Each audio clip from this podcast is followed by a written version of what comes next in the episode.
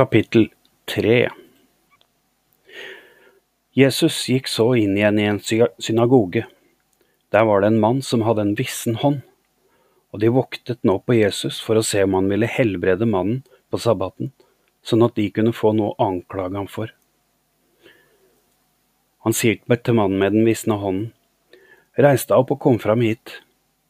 Og så sier Jesus til eh, fariseerne, er det tillatt på sabbaten å gjøre godt eller å gjøre ondt, å berge liv eller slå i hjel?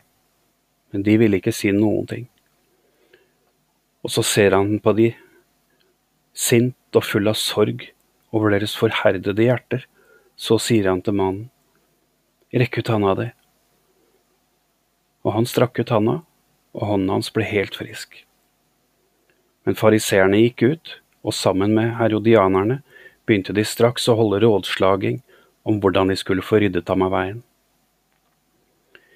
Jesus dro så ned til sjøen sammen med disiplene sine, og en stor folkemengde fra hele Galilea fulgte ham.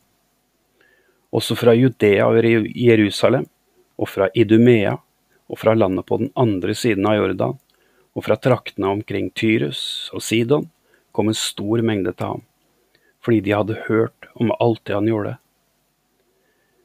Han sa til disiplene sine at en båt skulle holdes klar for ham på grunn av folket, sånn at de ikke skulle trenge seg så inn på ham. For han helbredet mange.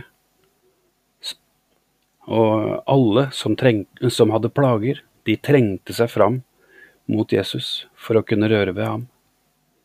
Og når de urene åndene så falt de ned for ham og skrek og ropte og sa, Du er Guds sønn!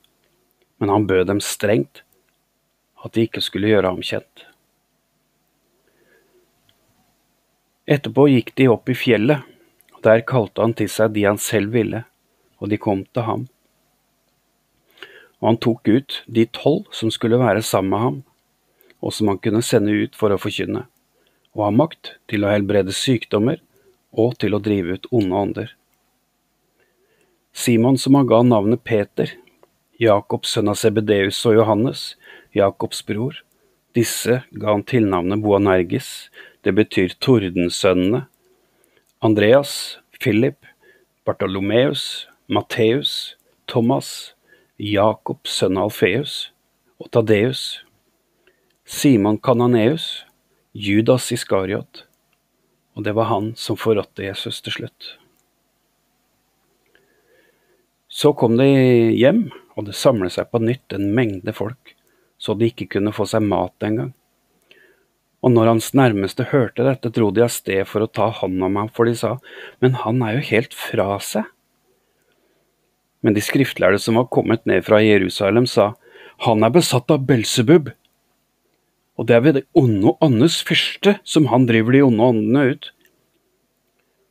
Og Jesus kalte til seg de og sa i lignelser, hvordan kan Satan drive Satan ut? Om et rike kommer i strid med seg selv, så kan ikke det riket bli stående. Og om et hus kommer i strid med seg selv, så blir ikke det huset stående.